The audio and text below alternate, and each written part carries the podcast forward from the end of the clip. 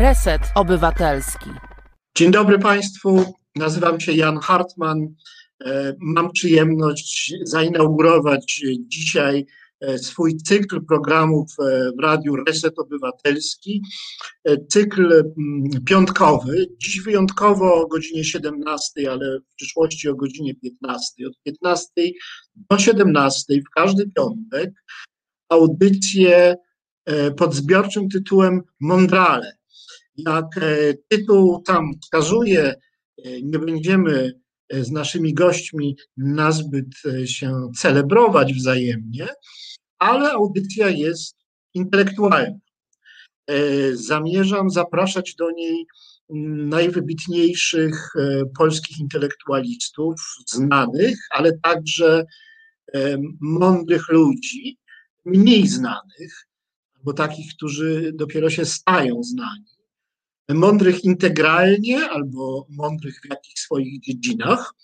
Tak czy inaczej, zamysł programu jest taki, żeby mądrzy ludzie mówili mm, o tym, na czym się najlepiej znają, co mają najlepiej przemyślane, e, a moim zadaniem będzie wyciąganie z nich tej mądrości, trochę jakby w imieniu opinii publicznej, trochę e, w imieniu własnym, raczej ze stanowiska osoby słabo zorientowanej, niezbyt kompetentnej, e, no bo taka jest rola dziennikarza, e, nie wchodzi w buty e, specjalisty, raczej pyta, wyraża jakieś wątpliwości, być może czasem trochę polemizuje, ale generalnie chodzi o to, żeby mądrzy ludzie mieli tutaj głos i mówili o tym, o czym sami chcą mówić.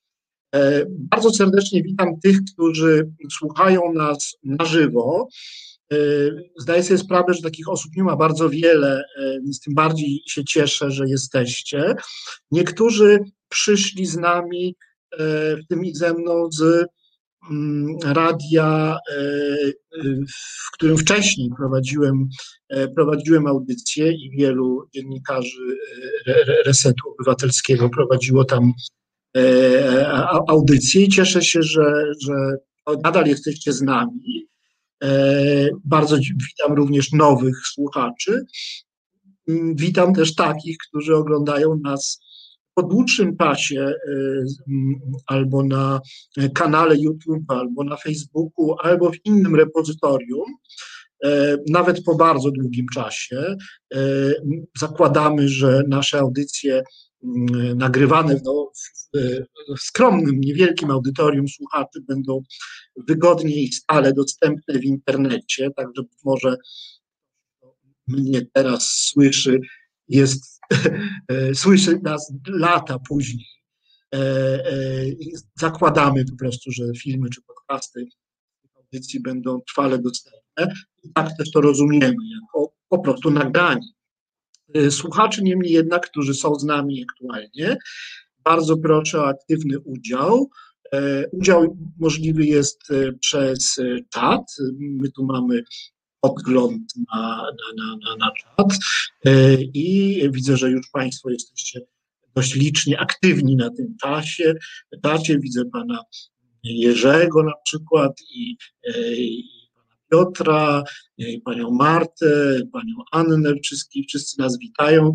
Witamy również Państwa, więc e, będziemy spoglądać trochę na ten czat. E, państwo będziecie mogli zadawać pytania e, czy wygłaszać komentarze. Jest też możliwość łączenia telefonicznego. Co pewien czas realizator będzie pokazywał tę, tę możliwość. E, będziemy Cię nagrywać w, w blokach takich 15-20 minutowych, przerywając to piosenkami, tak jak to normalnie w takim gadanym radiu e, ma miejsce. E, liczę na Państwa aktywny udział. Mm, gość będzie z nami do za 15.07, generalnie godzinę 45 zaznaczamy na obecność gościa, bo no dłużej tak by było trudno y, gościa, gościa mm, prosić o udział. W y, ostatnie minuty możemy rozmawiać y, sami mm, a propos tego, co się, to, co się wydarzyło. E, a więc, proszę Państwa, gość, chyba już z anonsu Państwo wiecie, ale oczywiście powtarzam, Gościem naszej pierwszej inauguracyjnej audycji jest pan profesor Jan Sowa, który się sam przedstawia często jako Janek Sowa. E, e, no widzicie Państwo w takim otoczeniu, e, można powiedzieć, swojskim, pasującym bardzo do jego wizerunku publicznego, ale chyba również prywatnego. Jan Sowa należy do najbardziej takich bezkompromisowych, żeby nie powiedzieć kultowych wręcz, myślicieli, mm, filozofów polskiej lewicy. Zajmuje bardzo zdecydowane mm, stanowisko, a jest nie politykiem, lecz właśnie profesorem, myślicielem. I mm, to, co pisze i mówi, ma charakter y, no, teoretyczny, a nie y, po prostu polityczno-propagandowy. E, postać niesłychanie wszechstronna i różnorodna, bo profesor Sowa jest, e, no obecnie jest zatrudniony z profesorem Akademii Sztuk Pięknych w Warszawie, ale jest związany z wydawnictwami, z artem, e, z czasopismem Praktyka Teoretyczna, rozmaitymi instytucjami kultury, w Warszawie, wcześniej w Krakowie, przez jakiś czas pracował na Uniwersytecie Jagiellońskim, dawał w różnych miejscach, między innymi we Francji. E, wielu książek, częściowo naukowych, częściowo literackich, jest krytykiem literackim, kulturoznawcą, psychologiem, sam nie wiem czym jeszcze, historykiem. Chyba najbardziej, tak jak patrzę wstecz jakby nasz, na, na naszą scenę intelektualną polską. Tak mi się wydaje, że, że najważniejsze e, w jego biografii akademickiej było opublikowanie takiej książki fantomowe Ciało Króla, która zain, zainaugurowała taki ruch odczarowywania historii polskiej, tej dawniejszej, pierwszej Rzeczpospolitej, którą się tak lubimy chwalić. E, potem takich książek na te tematy powstało więcej i one wszystkie były bardzo ważne Andrzeja Ledera, książka Prześniona rewolucja, e, teraz profesora Leszczyńskiego znowu, też taka książka o historii chłopów. Także chyba, jeśli się nie mylę, Jansowa jakby zainaugurował taką, to, tę tradycję w Polsce, ten nurt myślenia, e, który bardzo zmienił nasze postrzeganie pierwszej Rzeczpospolitej. Ja muszę nawet powiedzieć, Janie, że E, e, przestałem mm, myśleć o roku 1918 jako o mm, roku odzyskania niepodległości, bo właściwie wydaje mi się mówienie o pierwszej Rzeczpospolitej jako niepodległym państwie, trochę takie nie fair w stosunku do mieszkańców, którzy tam za bardzo z tej niepodległości nie, nie e, korzystało. Proszę, Bożena Beczko pisze, fantomowe ciało króla mnie powaliło i nie mogę się pozbierać. Leżę i przymierzam się do innej Rzeczpospolitej. E, może mnie podniesie, a może nie. Ostatnio Jan Sowa e, zredagował książkę E, Solidarność 2.0, e, czyli demokracja jako forma życia. Sam napisał do niej bardzo taki e, przejmujący wstęp. To jest taka profetyczna, niezwykła książka, bardzo radykalna odnośnie do tego, co będzie z, z demokracją, co po śmierci takiej demokracji parlamentarnej, która jest jednak bardzo starą instytucją, bardzo mająca głęboko, mającą głębokie korzenie, jeszcze takie prenowoczesne, Myślę, że o tym Jan będzie, będzie chciał nam też opowiadać, bo generalnie nasza audycja jest o tym, co leży na sercu i, i, i co ma w głowie e, gość. Powiedzieć, że to jest taka intelektualna sylwetka. E, więc ja e, nie mam takiej, takiej listy pytań, które muszę przerobić. Chcę przerobić, nie chcę tego gościowi narzucać. To będzie chyba spontaniczna rozmowa. Ale mm, od czegoś trzeba zacząć, więc może, może zacznę od takiego pytania, czy, mm, y, czy nowoczesność, ta kategoria nowoczesności, wokół której e, kręci się mm, połowa współczesnych nauk społecznych i humanistyki, e, czy ona ma jeszcze jakiś potencjał, czy emancypacja taką, jaką znamy e, z stuleci nowoczesności, zwłaszcza od czasu rewolucji francuskiej, to jest ten, mm, to pojęcie wolności, niesie w sobie to pojęcie wolności do którego powinniśmy aspirować dzisiaj, czy też to już jest pewna pułapka i o takiej nowoczesnej, oświeceniowej emancypacji, idącej po kolei przez kolejne grupy społeczne, e, należy już zapomnieć e, i za, należy zacząć myśleć w zupełnie inny sposób o sferze publicznej, e, może zupełnie innym językiem już o niej mówić, językiem, w którym nie ma już tak dużo miejsca dla państwa, dla obywatelstwa, E, w którym już takie słowa z języka politycznego jak demokracja, wolność, prawa człowieka e, e, zmieniają znaczenie. Czyli tak bardzo krótko, czy czujesz się filozofem nowoczesności, czy już takim raczej krytykiem tej kategorii nowoczesności? E, dziękuję Ci bardzo za to przedstawienie, które było niesłychanie e, e, hojne. Nie wiem, czy podołam, czy tak wysoko będę w stanie się wznieść, jak tutaj zarysowałeś moją biografię. Pani Bożenie, która się czuje powalona fantomowym ciałem króla i zabiera się za inną Rzeczpospolitą, mogę powiedzieć, że równie, również wspólnie z filozofem Krzysztofem Wolańskim napisaliśmy książkę o sporcie. Może to będzie bardziej jakoś tak podnoszące na duchu i też w czasach pandemii, jakby wiadomo, że warto trochę poćwiczyć. Wiesz co, to, to, to, to pytanie, które zadałeś, ono wydaje mi się niesłychanie istotne w polskim kontekście, również w kontekście tej pierwszej Rzeczypospolitej, o której y, mówiłeś, tego kim, czym my jesteśmy w ogóle, jaki jest nasz stosunek wobec projektu nowoczesnego, bo właściwie to, że polskie społeczeństwo no powiedzieć, że jest na bakie z nowoczesnością, zaraz do tego przejdę, to chyba nie jest dobrze e, powiedzieć, e, bo paradoksalnie polskie społeczeństwo jest o wiele now, bardziej nowoczesne i zmodernizowane i otwarte niż jego klasa polityczna i to jest pewien paradoks, który e, może warto przemyśleć. Natomiast tak historycznie rzecz biorąc, jeżeli popatrzymy na to, jak konstytuowało się myślenie naszych praszczurów, naszych przodków, Sajmatów i, i, ich państwa, no to tam opór wobec nowoczesności, jakby wyraźne podkreślenie, że my jesteśmy kimś innym niż zachodnia nowoczesność, było takim rdzeniem ich e, e, tożsamości. E, Jerzy Jedliński w znakomitej książce Jakiej cywilizacji Polacy potrzebują, która opisuje spory o, o, o polskość i o pewien model polskiej tożsamości i, i, i w jaki sposób Polska powinna funkcjonować, przytacza taki interesujący spór właśnie z XVIII wieku, kiedy szlachta, która jak wiemy absolutnie żadnej wolności sobie odebrać nie, nie pozwalała, zażądała, żeby Sejm zakazał dzieciom, młodzieży podróży na zachód, ponieważ z zachodu wracała młodzież zepsuta i nie chciała już być prawdziwie polska.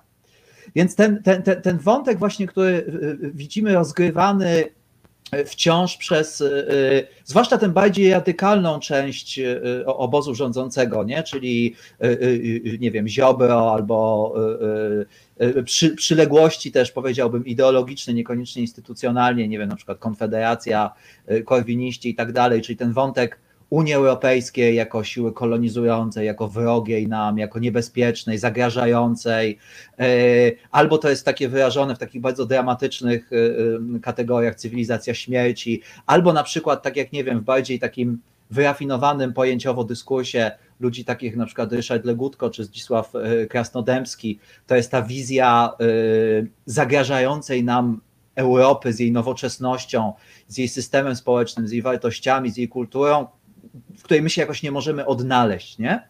E, to jest, widzisz, ciekawe, że, że właśnie tak jak powiedziałem, ten dyskurs polityczny się wokół tego obraca i coraz bardziej się wokół tego radykalizuje, podczas gdy spojrzysz na polskie społeczeństwo, to widzimy systematycznie taki, y, y, ta, taką tendencję do jednak coraz większego otwierania się, modernizowania się, coraz większej jednak liberalizacji.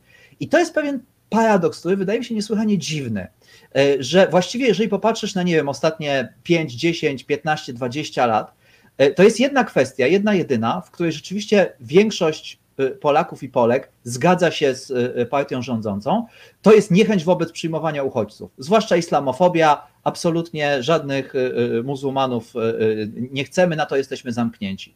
Natomiast poza tym, właściwie każda kwestia taka postępowa, emancypacyjna, jak powiedziałeś, to dotyczy swobód indywidualnych albo tego, jak funkcjonuje nasza przestrzeń publiczna, więc nie wiem, kwestie takie jak y, prawa mniejszości, mniejszości seksualnych, ale też mniejszości etnicznych, y, rasowych, y, kwestie różnorodności, nie wiem, małżeństwa homoseksualne, kwestia religii i kościoła, stosunek wobec aborcji, to takie rzeczy, które też ostatnio są bardzo istotne. W każdym właściwie z tych wymiarów Polacy i Polki stają się coraz bardziej liberalni. Mieliśmy w zeszłym tygodniu, chyba czy dwa tygodnie temu, sondaż, z którego wynika, że 68% badanych uważa, że religia powinna być w salkach katechetycznych, a nie w szkołach. A jednak jak popatrzymy na ewolucję dyskursu politycznego, to widzimy dokładnie przeciwny ruch. E, władza staje się coraz bardziej zamknięta, coraz bardziej wroga e, e, nowoczesności, coraz bardziej próbująca wcisnąć polskie społeczeństwo w jakiś taki gorset tych zastanych wartości, tradycji i, i, i, tak dalej. Nie? Więc wydaje mi się, że właśnie widzisz ten stosunek do, do, do nowoczesności, czy jakby siła nowoczesnego projektu, jest to dość ambiwalentne i wydaje mi się, że to jest taki punkt wyjścia w każdym razie dla mnie, żeby w ogóle przemyśleć te instytucje nowoczesnej y, y, prezentacji. A powiedz mi, czy rozumiem, że jesteś w miarę przychylny modernizacji? Znaczy, możesz uznać, że mamy niedokończoną modernizację, są jeszcze pewne E, rezerwy, które warto wykorzystać, że jak będzie lepszy rząd, bardziej promodernizacyjny, e, to możemy jeszcze zyskać trochę na mm, e, sprawiedliwości, na wolności i na tych wszystkich dobrodziejstwach ustroju liberalnego, no ale gdzieś jest granica, prawda, poza którą no, tak czy inaczej rozumiana emancypacja liberalna, nowoczesna no, staje się już niewydajna. Możesz powiedzieć, e, e, gdzie jest ta granica, do której dochodzi tego dobra społecznego, do której dochodzi ustrój liberalnej demokracji i co właściwie, jeśli nie rewolucja, to, to jaka ewolucja może nas przez tą granicę przeprawić i co jest po drugiej stronie. Załóżmy, że będziemy mieli taki rząd właśnie podstępowy, że nadgonimy, będziemy takim otwartym, nowoczesnym społeczeństwem. Rozumiem, że zakładasz, że Polacy są na to gotowi, tylko elity nie są gotowe, rządzące. E, no i jak doszusujemy już do tego zachodu, no ale wiadomo, że już tam cię wyczerpią trochę te parlamentarne, partyjne e, instytucje i ta, te wszystkie gwarancje konstytucyjne naszych swobód, wolności, trochę ograniczane przez system ekonomiczny, e, no już dojdą do kresu swojej, swojej wydolności czy wydajności. I co wtedy? Co będzie, jak już będziemy na tym zachodzie i będziemy chcieli zrobić dla społeczeństwa jeszcze coś więcej niż zaprowadzić e, tę sprawiedliwość liberalno-demokratyczną? Mhm. E, mnóstwo wątków. E, nie wiem, czy uda mi się w taki zwięzły sposób do tego wszystkiego odnieść. Wydaje mi się, że wiesz, e, wartość najróżniejszego rodzaju, nie wiem, norm, wartości, sposobów organizacji społeczeństwa musi być pojmowana zawsze historycznie. Znaczy, w pewnej sytuacji, w pewnym kontekście, w pewnym momencie, dokładnie tak jak na przykład Marx myślał o kapitalizmie. Przeczytasz manifest komunistyczny, to zaryzykowałbym taką tezę, że w XIX wieku mało znajdziesz, jeżeli w ogóle, teksty, które byłyby tak afirmatywne, wobec rewolucji kapitalistycznej, wobec kapitalizmu i mieszczaństwa jako siły zmieniającej y, historię. Nie cała ta y, y, pierwsza część, która mówi właśnie o mieszczaństwie jako sile, która przezwyciężyła feudalizm, która jakby pozwoliła nam się otrząsnąć z tych, z tych złudzeń teologicznych i tak dalej, kapitalizm jako właśnie siła postępowa. Nie ma co do tego wątpliwości. I to można powiedzieć jest taka narracja, która dla wszystkich zwolenników liberalizmu jest jasna. Nie wiem, współcześnie na przykład Agata Bielik-Robson bardzo lubi się powoływać na tę część marksizmu, taki marksizm romantyczny, nie wiem, na przykład e, e, Marshall Berman, który to e, kontynuuje. Tylko, że kwestia jakby, Marx to widzi w, pewnej, w pewnym historycznym kontekście. Do pewnego momentu mieszczańskie, liberalne, burżuazyjne formy organizacji społecznej, politycznej i gospodarczej są postępowe ale nie, w odróżnieniu od tego, co na przykład myślał Fukuyama w, w, pod koniec XX wieku, one nie są wiecznie postępowe. One jakby nie są po prostu ponadczasowo y, y, ważne. I to jest, wydaje mi się, pewna perspektywa, którą warto przyjąć też w odniesieniu do polskiego społeczeństwa i polskiej sytuacji. Bez wątpienia jest bardzo dużo punktów i momentów, w których wprowadzenie liberalnych e, norm organizacji społecznej, e, e, politycznej, kulturowej byłoby ze wszechmiar dobrze widziane i wydaje mi się, że to się wydarza. I w ogóle odczytywałbym ten taki backlash konserwatywny jako reakcję właśnie na tę modernizację polskiego społeczeństwa, bo my po tej drugiej stronie barykady, tak? Myślę, że jakieś różnice między nami by się znalazły, ale w tym podziale właśnie, e, e, nie wiem, tego, w jaki sposób patrzymy na jakieś fundamentalne wydarzenia polityczne, ty i ja, i prawdopodobnie większość z Państwa tutaj na, na czacie, którzy nas słuchają, bylibyśmy po tej samej stronie, więc my jesteśmy przejażeni patrząc na taki powolny dryf y, y, y, głównego nurtu życia publicznego w stronę faszyzmu, w stronę coraz większej przemocy i tak dalej. Mamy wrażenie, że po prostu ci ludzie zagarniają kolejne obszary życia i że ta, ta rewolucja konserwatywna nigdzie się nie zatrzyma. I to moim zdaniem pod wieloma względami jest uzasadniony lęk. Nie chciałbym absolutnie jakoś bagatelizować zagrożenia, czy mówić, że o, to PiS nie jest taki groźny, nie ma się co przejmować, to wszystko przejdzie. Mamy do czynienia z bardzo poważnymi kwestiami, problemami. Ale jeżeli poczytasz trochę, nie wiem, blogosferę, czy media społecznościowe, czy media y, y, prawicowe, takie standardowe, to tam nie ma atmosfery triumfalizmu. Tam jest raczej poczucie oblężonej twierdzy.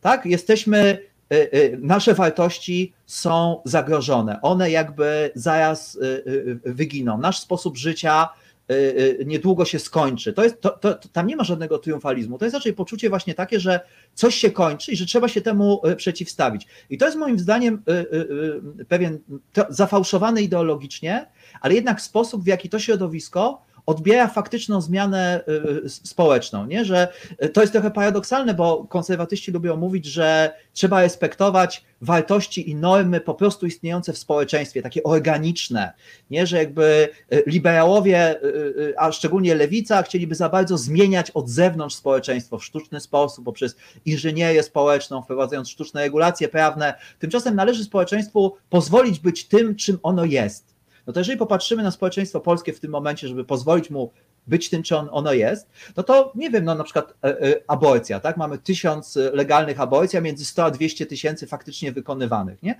Polki się skrobią na potęgę i właściwie jeżeli chodzi o praktykę e, e, społeczną, no to w praktyce społecznej aborcja jest po prostu e, czymś, co jest częścią życia, nie? I teraz e, regulacje prawne, które by to rozpoznały, to właśnie byłyby takie regulacje, czy jakby konserwatywne w tym sensie, że wierne pewnej praktyce społecznej, no to byłyby właśnie liberalizujące raczej, nie?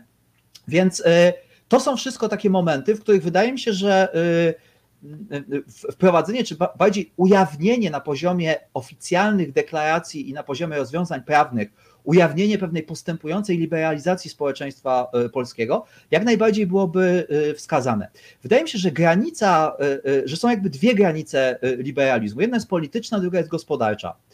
Pod względem społecznym zasadniczo nie, nie, widzę jakby, wydaje mi się, że w ogóle pod względem społecznym i takim światopoglądowo-obyczajowym to tak jak rozumiem, postępowy projekt lewicowy, on raczej zawiera wszystkie elementy y, y, liberalizmu. Nie? Jeżeli popatrzysz, to jest w ogóle ciekawy temat. Marx w swojej wizji dobrze działającego społeczeństwa, do którego dążymy, takiego jakby celu, wielokrotnie mówił, że wartością jest pełna realizacja naszych indywidualnych zdolności. W tym sensie Marx był indywidualistą. Marx jakby ta wizja komunizmu jako systemu, który odgórnie tłamsi nas wszystkich, nas wszystkich wpycha w szare uniformy, tak jak zrobił Mao z Chińczykami, ona może historycznie jakby odpowiada pewnym e, praktykom jakichś tam reżimów, które się opisywały jako komunistyczne, ale to absolutnie nie jest wizja Marxa. Marx był indywidualistą, jeśli chodzi o cel, do którego ma dążyć system e, społeczny, nie? Więc tutaj jakby nie ma żadnego problemu. Granice liberalizmu moim zdaniem są polityczne i tą granicą jest mechanizm reprezentacji parlamentarnej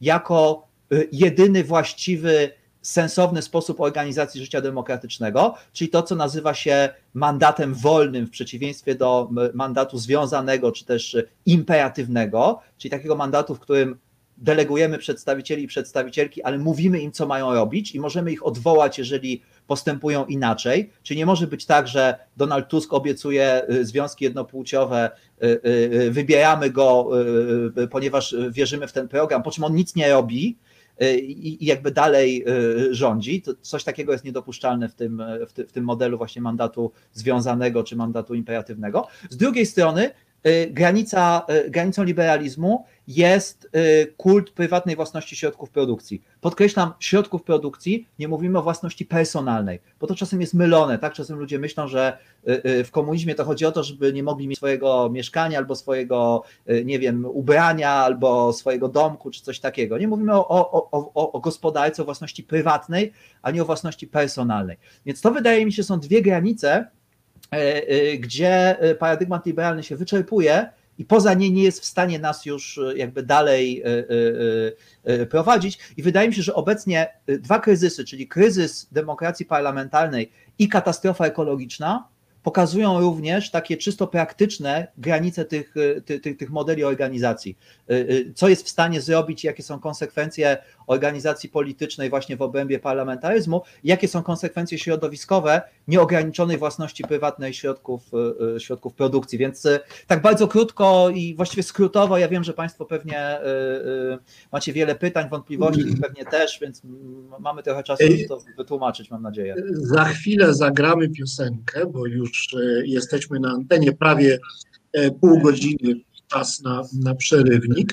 E, chciałbym Cię prosić po piosence o mm, dokończenie odpowiedzi e, o tej drugiej stronie, bo chciałbym mhm. sobie wyobrazić e, ten świat za, nie wiem, 20-30 lat, w którym mówimy, no dobrze, przepraszamy, ale system takiej formalnej demokracji konstytucyjnej to jest trochę za mało, Mamy nowe narzędzia, sztuczną inteligencję, e, możemy się komunikować e, znacznie szybciej w różnych konfiguracjach. Stać nas na więcej kolektywnych decyzji, e, stać nas na bardziej taką mięsistą demokrację bezpośrednią.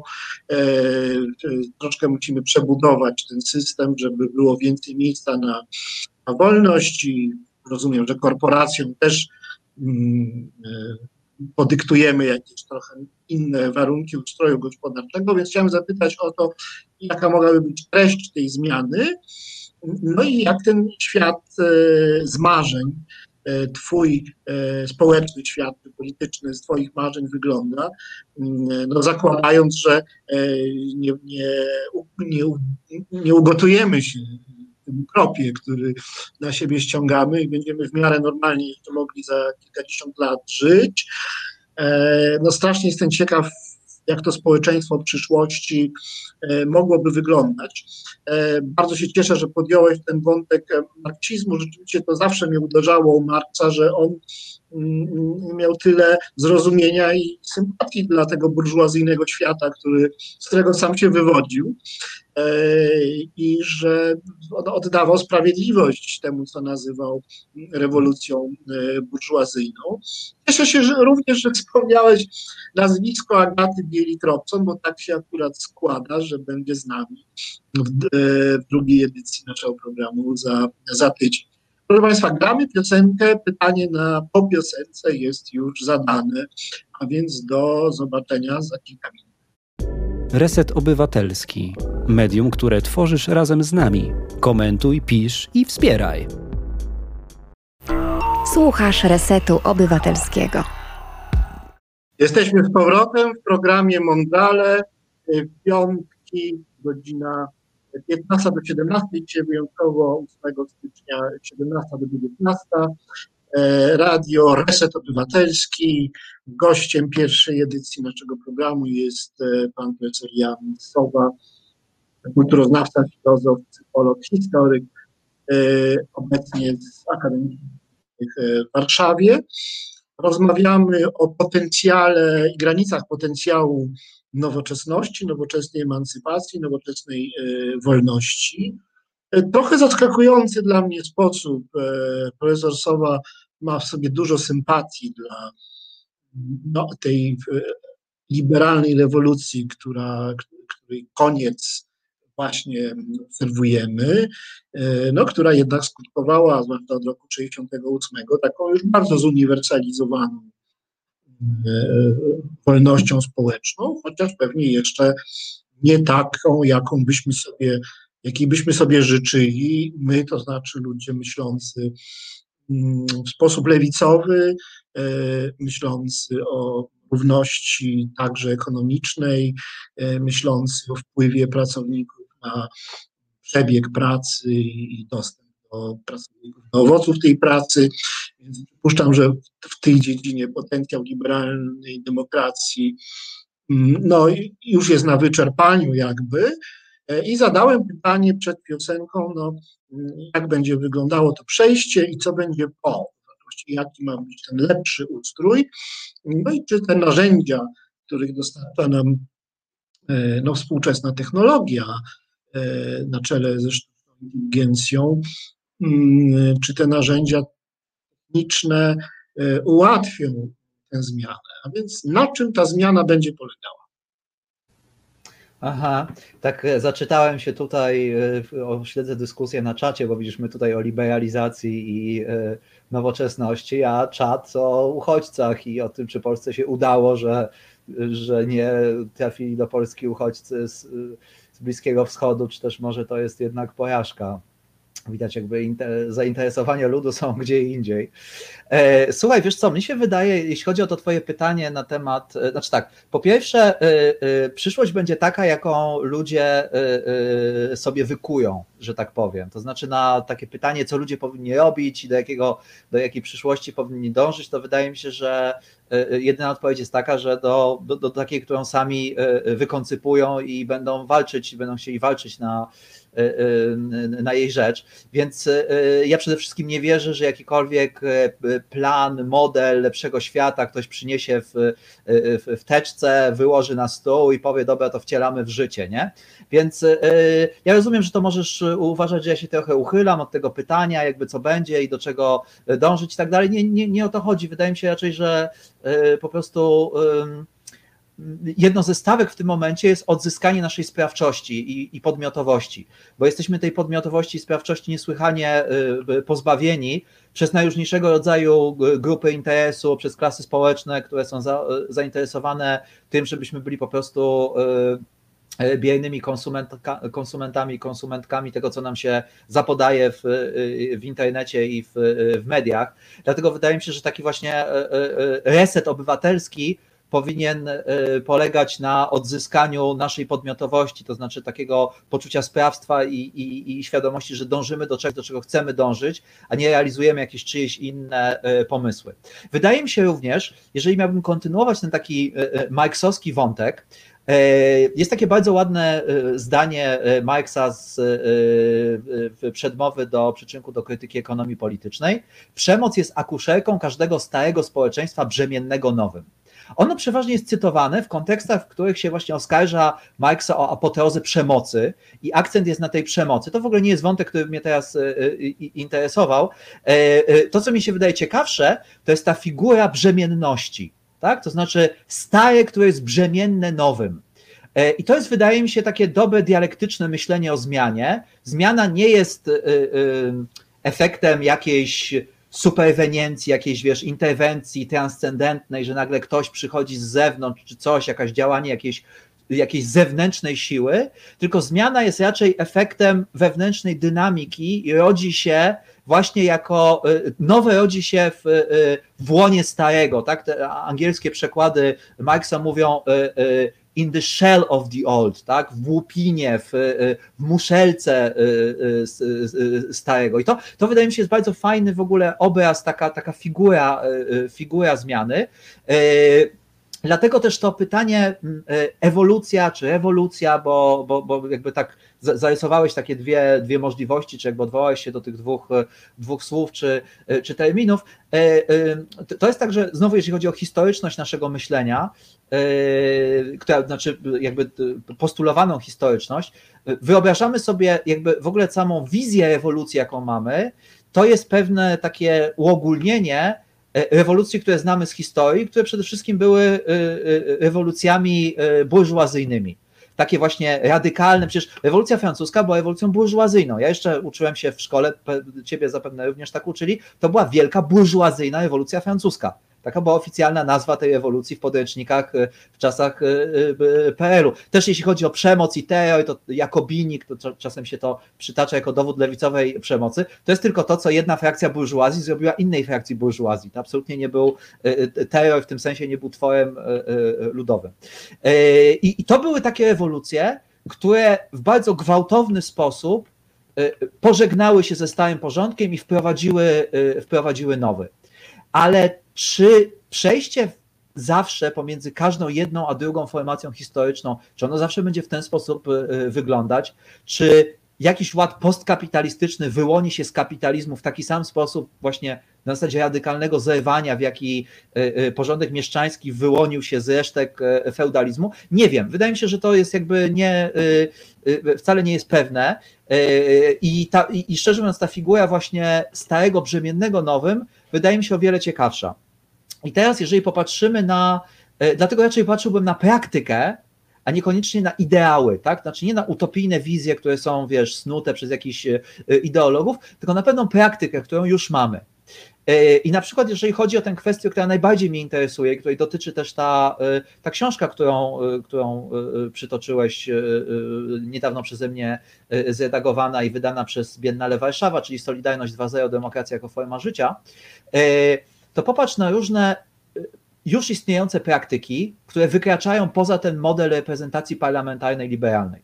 Na przykład panele obywatelskie. Czyli coś, co pomogło, jeżeli chodzi o konkrety, coś, co pomogło, czy właściwie w ogóle umożliwiło reformę, takie bardzo ważne reformy społeczne dokonane na przykład w Irlandii. Tak? Te, te, te takie dwie przełomowe zmiany, o których się bardzo dużo mówiło w ostatnim czasie, czyli wprowadzenie możliwości zawierania związków cywilnych czy małżeństw cywilnych dla innych grup niż tylko i wyłącznie heteroseksualne małżeństwa kobiety i mężczyzny i reforma prawa aborcyjnego, które było jednym z, naj, z najbardziej takich opresywnych w Europie. Jedna i druga reforma proceduralnie przeszła właśnie przez panele obywatelskie. Przez panele obywatelskie, czyli przez konstruowane ad hoc grupy ludzi, zwykłych obywateli, nie zawodowych polityków, tylko zwykłych ludzi, konstruowane w drodze losowania. I to jest, wydaje mi się, bardzo ciekawy wątek, który jednocześnie jest wątkiem ultrafilozoficznym i niesłychanie praktycznym. Jest wątkiem ultrafilozoficznym, dlatego że w ogóle wprowadza jakby całą powiedziałbym, metafizykę i ontologię przypadku i roli przypadkowości w konstrukcji naszego świata, rolę statystyki i randomizacji, ale też takim niesłychanie praktycznym, dlatego że źródłowo procedurą demokracji było losowanie. W Grecji nie było wyborów. Grecy oczywiście wiedzieli, że jest taka możliwa procedura jak wybory, to nie jest tak, że oni sobie nie zdawali z tego sprawy, ale uważali, że wybory są bardzo niedobre, ponieważ wybory to jest platforma dla demagogów do sięgnięcia po władzę. Dlatego, że wybory nie realizują podstawowego dla demokracji założenia, że każdy i każda ma taką samą możliwość trafienia do struktur władzy, objęcia władzy. Jeżeli mamy wybory, to ludzie, którzy są wygadani, ładnie wyglądają i są bogaci, mają zawsze większą szansę zdobycia władzy niż ludzie, którzy są brzydcy, nie potrafią ładnie mówić i, i nie mają pewnej ogłady, niezależnie od tego, jaka jest sensowność postulatów, które oni zgłaszają. Po prostu wybory to jest mechanizm taki właśnie demagogiczny, nie? To jest demagog, czyli ktoś, kto potrafi czarować tłum, to źródłowo oznacza demagog. No i widzimy właśnie, nie? na przykład Trump, świetny, świetny mówca, świetny demagog, człowiek sukcesu, który może opowiadać dowolnego rodzaju bzdury i w tym systemie reprezentacji on sięgnie władzy. Dlatego też Grecy uważali, że najlepszym sposobem na wyłonienia do, dla wyłonienia reprezentatywnej grupy, która będzie nami rządzić, jest losowanie. Notabene, tak jak zresztą my do dzisiaj uważamy, wtedy, kiedy na przykład losujemy składy sędziowskie, albo wtedy, kiedy losujemy reprezentatywne grupy w badaniach społecznych. Są takie dwa momenty, w których cały czas to właśnie myślenie o tym, że sprawiedliwa, właściwa reprezentacja może być wyłoniona tylko i wyłącznie w drodze losowania, jest obecne. I panele obywatelskie działają dokładnie tak. Losujemy grupę około 100 osób, wyłonionych dokładnie tak, jak się wyłania grupy losowe w badaniach społecznych. Na to są szczególne procedury, jeżeli ktoś się nie zgodzi, to jest losowanie, są jakby grupy główne, grupy zapasowe, z których się potem dobiera. Zresztą nauki społeczne mają bardzo dobrą metodologię konstruowania właśnie takich, takich grup. To wszystko, co słyszymy, wyniki badań opinii społecznej, to są właśnie badania prowadzone w, w ten sposób. One nigdy nie są w 100% dokładne, ale jeżeli to przeprowadzimy we właściwy sposób, to są bardzo dokładne, znaczy dość dokładne powiedzmy. I te grupy, skonstruowane właśnie tak ad hoc panele obywatelskie, one mają podjąć decyzję, ale druga bardzo ważna sprawa, muszą to przedyskutować. Bo czasem też te argumenty przeciwko jakiejś bardziej radykalnej formie demokracji to jest coś takiego, dobra, to będziemy mieli nieustanne referenda. Nie, taka trochę szmitiańska wizja, że to jest tylko i wyłącznie sposób sprawdzenia, kto jest po której stronie.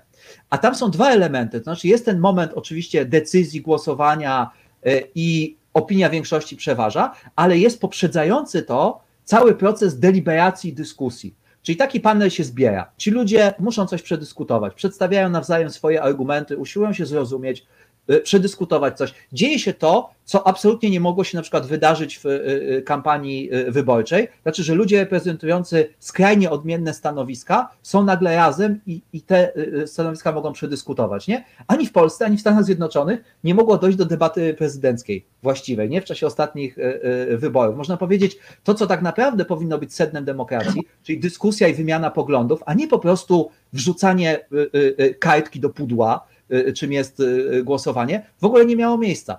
Panele obywatelskie pozwalają uzupełnić tę lukę, nie? I to już jest, podaję przykład, y, powiedziałbym skromny, być może dla kogoś, kto oczekiwał jakichś takich wielkich, utopijnych wizji, wiesz, na, na miarę jakichś takich historiozoficznych, gigantycznej przemiany, to może być rozczarowany, no bo co, jakaś procedura, jakiś 100 osób się zbiera, jakaś taka grupa dyskusyjna właściwie, ale ten przykład irlandzki, on pokazuje, że to jest procedura, która działa, która została, to nie jest tylko i wyłącznie postulat, tylko to jest coś, co zostało zastosowane w praktyce w społeczeństwie bardzo podzielonym do tego, żeby dokonać bardzo trudnej reformy i zdało egzamin. Więc wydaje mi się, że to jest jakby dobry taki e, e, właśnie e, sposób, takie, takie pęknięcie w systemie, dokładnie to nowe, które pojawia się w łonie starego. No, no obawiam się, że obawiam się, mam nadzieję, że jak do panelu obywatelskiego wylosuje maszyna profesora Sowę, to on już ma tak gadane, że wszystkich ona do komunizmu i zapanuje e, komunizm pewnego rodzaju, a jak e, niestety jak wylosuje ta maszyna jakiegoś bardzo wygadanego faszystę, no to nie daj Boże, co tam ten panel obywatelski nam e, zaserwuje. Problematyka reprezentacji i reprezentatywności skrzyżowana z ontologią przypadku, no to jest, e, można powiedzieć, e, bardzo brząski, niebezpieczny grunt. Różne rzeczy się mogą wydarzyć przypadkowo bądź nieprzypadkowo. E, najlepiej, gdyby panel obywatelski miał, był tak liczny jak sami obywatele. E, nie, oczywiście ja, ja, ja żartuję, ale to mm, za tym wszystkim kryje się pewna taka scjentystyczna idea, że można e, czerpać z metodologii nauk społecznych dla celów demokratycznych, że reprezentatywność w sensie próby badaniach społecznych może zostać wykorzystana jako reprezentatywność e, w znaczeniu politycznym. Myślę, że ta idea ma, ma potencjał. Tylko zanim się ją zrealizuje, to, to trzeba podzielić kompetencje po prostu. Trzeba zmienić ustrój państwa tak, aby y, więcej kompetencji przechodziło do różnych form demokracji bezpośredniej, Bez demokracji lokalnej. Tak.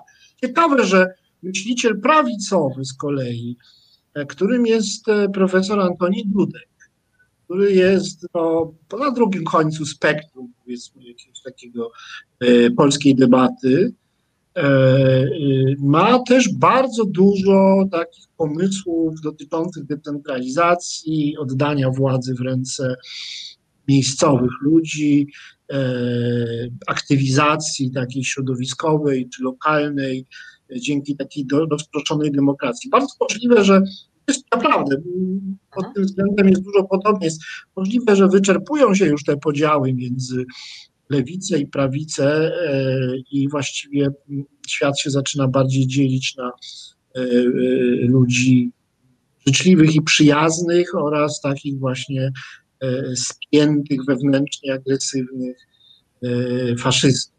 I właściwie to odpowiada, bo spotkanie się przy jednym stole z myślicielem lewicowym, takim już naprawdę mocno, jednoznacznie lewicowym, jak Jansowa i, i no jednak chrześcijańskim demokratą, powiedzmy, jakim jest e, Antoni Dudek, to, to, że to jest możliwe, a to jest możliwe, to jest bardzo optymistyczne. Ale do tego potrzebny jest jakiś wspólny język. Chciałbym przed następną piosenką, też zagramy sobie za, za jakieś 10 minut, E, chciałbym Cię zapytać e, właśnie o tą mm, fleksybylność taką, bo Ty używasz jak na osobę z tych kręgów lewicowych bardzo swobodnego języka. Nie masz tej spiny w sobie takiej, Mhm. prawda? Nie, nie masz takiej. E, no, nie jesteś wzorcem e, e, tej dyscypliny języka, tej poprawności politycznej. Nie mówisz jak dobra feministka. Byłeś takiego zwrotu, którego no, gdybym ja go użył, to mógłbym mieć kłopoty. Powiedziałeś, Polki skrobią cię na potęgę. To jest taki zwrot ryzykowny, powiedzmy. Potem używasz tego słowa lud, który oczywiście wśród młodej lewicy jest e, e, kontestowany. Ale nie, to nie jesteś jedyną osobą z lewicy, e, z tego właśnie swojego pokolenia 40, plus, która jakby trochę wyluzowała. Bo na przykład znam Agatę Araczkiewicz, którą też chciałbym zaprosić do naszego programu, Mhm. która jest bardzo, bardzo wysoko usytuowana jako e, intelektualistka lewicowa. I ona też ma bardzo swobodny, dużo takiej tolerancji retorycznej, językowej. Chciałbym Cię zapytać o to, czy uważasz, że potrzebujemy więcej tego luzu? Ktoś tu napisał, chłopaki, wyluzujcie. E, e, e, czy potrzebujemy więcej swobody? Możemy sobie bardziej ufać w sferze retorycznej? Czy możemy spuścić trochę tego napięcia, które sobie zafundowaliśmy? E, szukając bezpieczeństwa debaty publicznej e, i chroniąc e, tych, którzy są najbardziej narażeni na napiętnowanie, wykluczenie czy, czy obrazy. Bo sam prezentujesz bardzo taki jak nietypowy obraz takiego, no jednak człowieka, który jest retorycznie bardzo pewny siebie i nie boi się swobody językowej.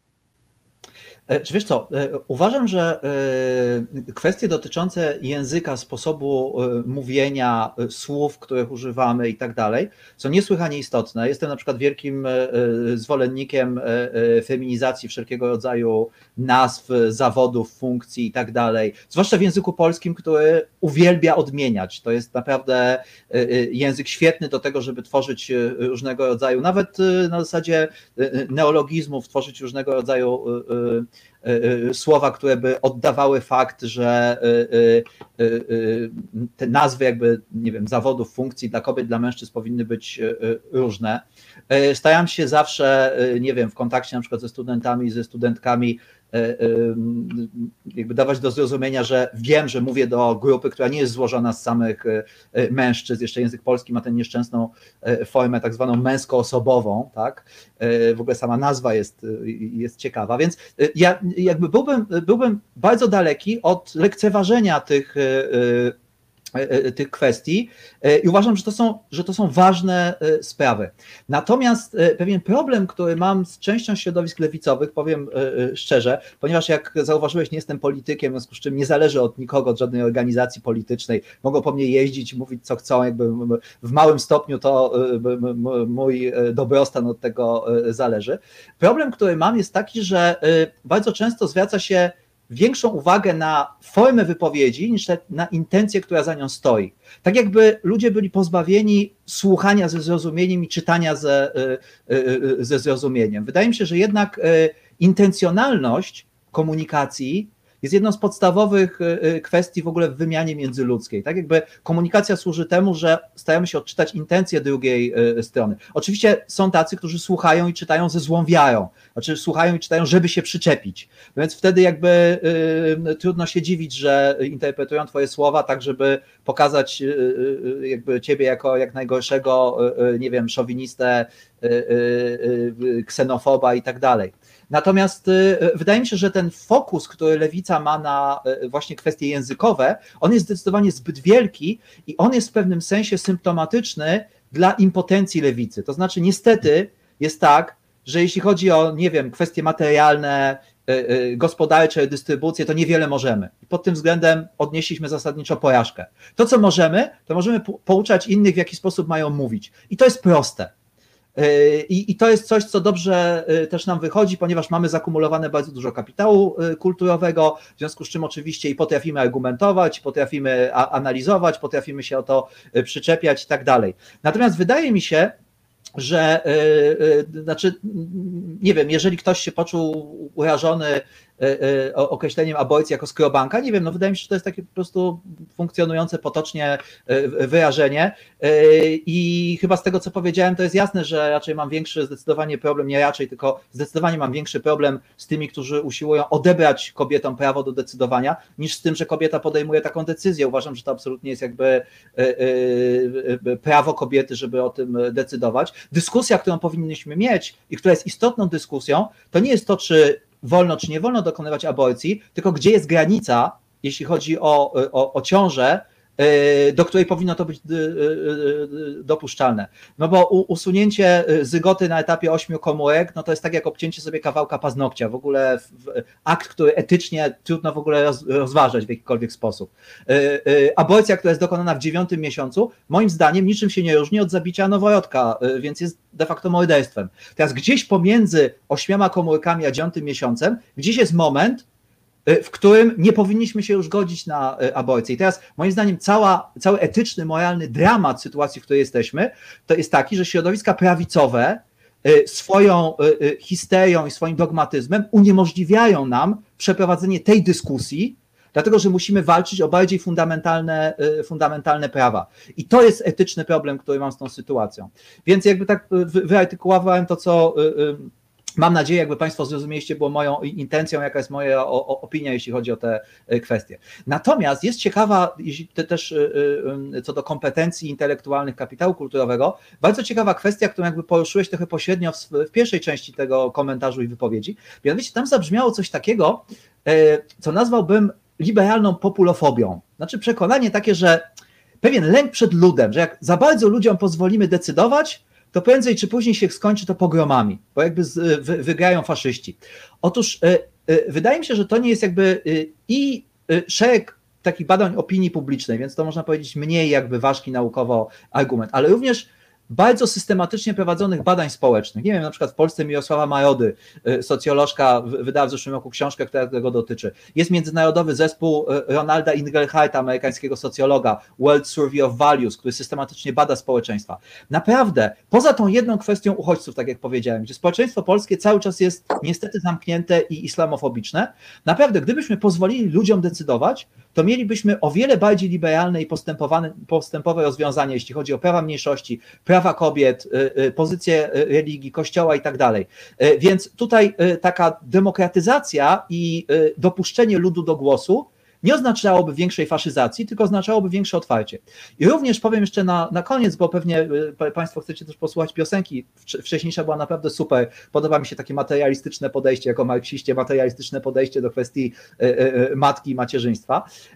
Mam doświadczenie osobiste, żeby też nie mówić tylko i wyłącznie teoriami, mianowicie parę lat temu wspólnie z moją partnerką na Pradze w Warszawie, gdzie mieszkamy, zgłosiliśmy projekt do budżetu obywatelskiego, on dotyczył tak zwanej małej zieleni czyli nie drzew, tylko jakichś tam klombów, e, e, tych takich wszystkich małych, nie wiem, e, krzaczków, trawniczków i tak dalej.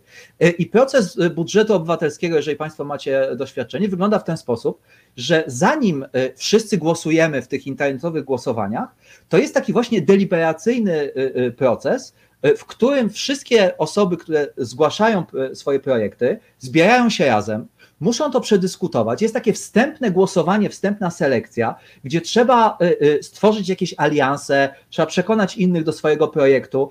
Y, wszystkie takie projekty, które polegały na tym, żeby na przykład za publiczne pieniądze postawić sobie latajnie na własnym podwórku, one były bardzo dobrze odsiewane i tam było dość dużo projektów zgłaszanych przez osoby pochodzące z tak zwanych klas ludowych. I widać było, że te osoby, które kiedy miały mówić w, w, na takim zebraniu publicznym, widać było, że były zestresowane, nie zawsze były w stanie się dobrze y, wypowiedzieć. Natomiast moja obserwacja, taka niewiarygodnie budująca dla mnie, była taka, że naprawdę wszyscy ci ludzie zdali egzamin z funkcjonowania na forum obywatelskim. Byli w stanie, pomimo widać stresu i tego, że jakby czasami brakowało im języka, i to trzeba zrozumieć. Ja nie uważam, że oni są temu winni, żeby to znowu nie było zrozumiane jakoś tak klasistowsko. Naprawdę oni zdali egzamin, byli w stanie powiedzieć, o co im chodzi, dlaczego chcą to, czego y, chcą.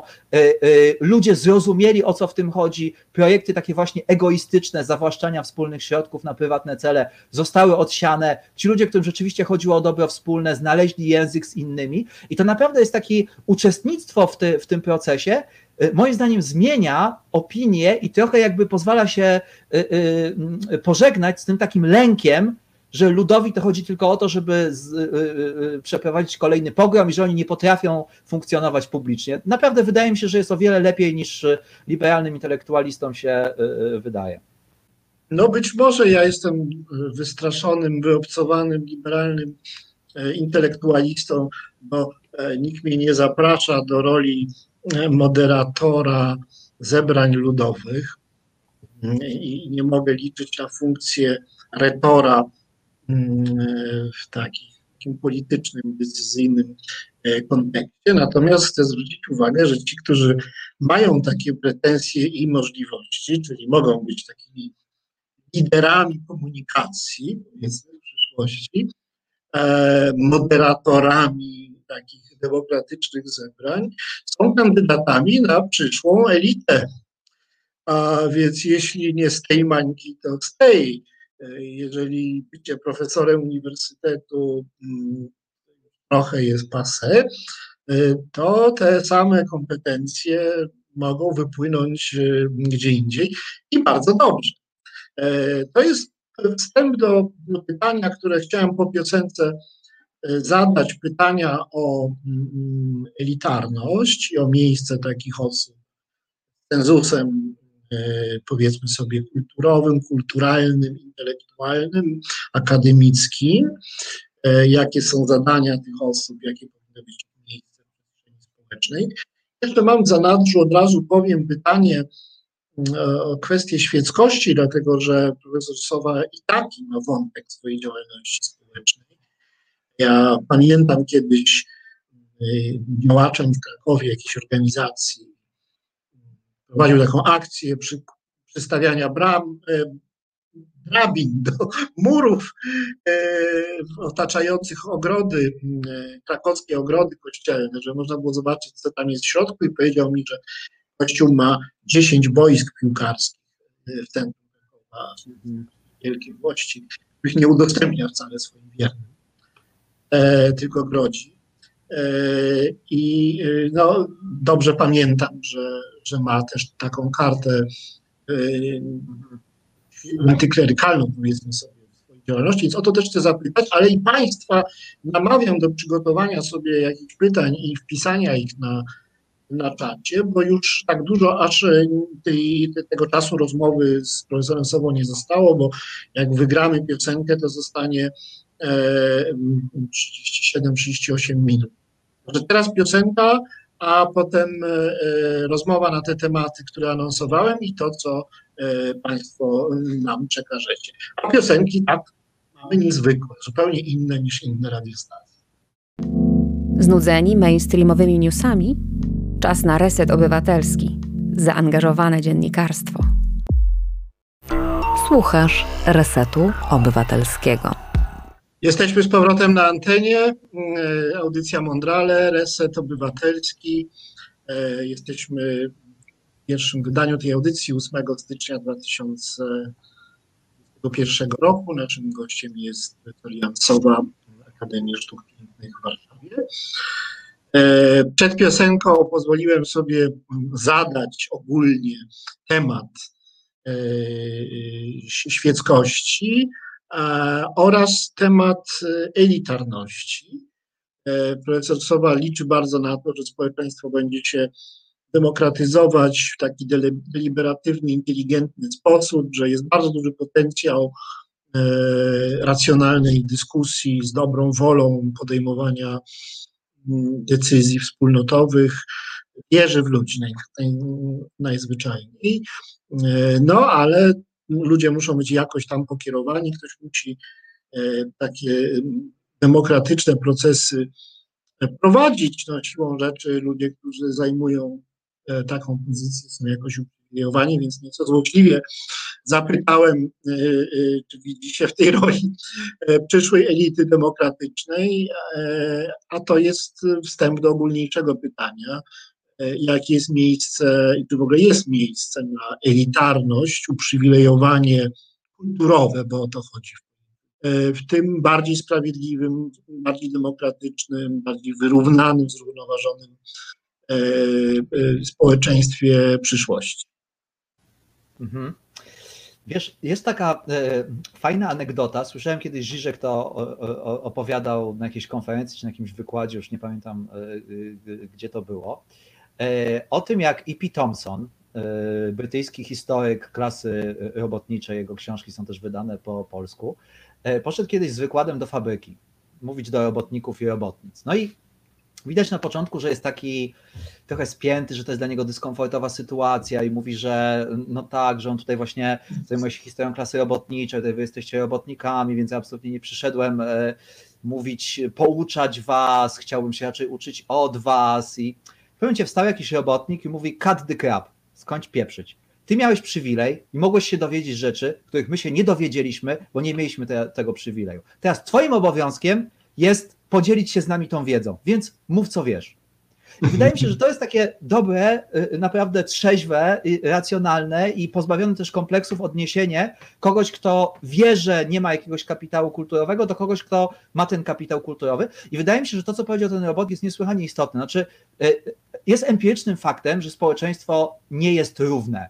Właściwie w ogóle, kiedy mówimy społeczeństwo, to mówimy hierarchia. Jest bardzo, moim zdaniem, nie da się pomyśleć społeczeństwa bez hierarchii.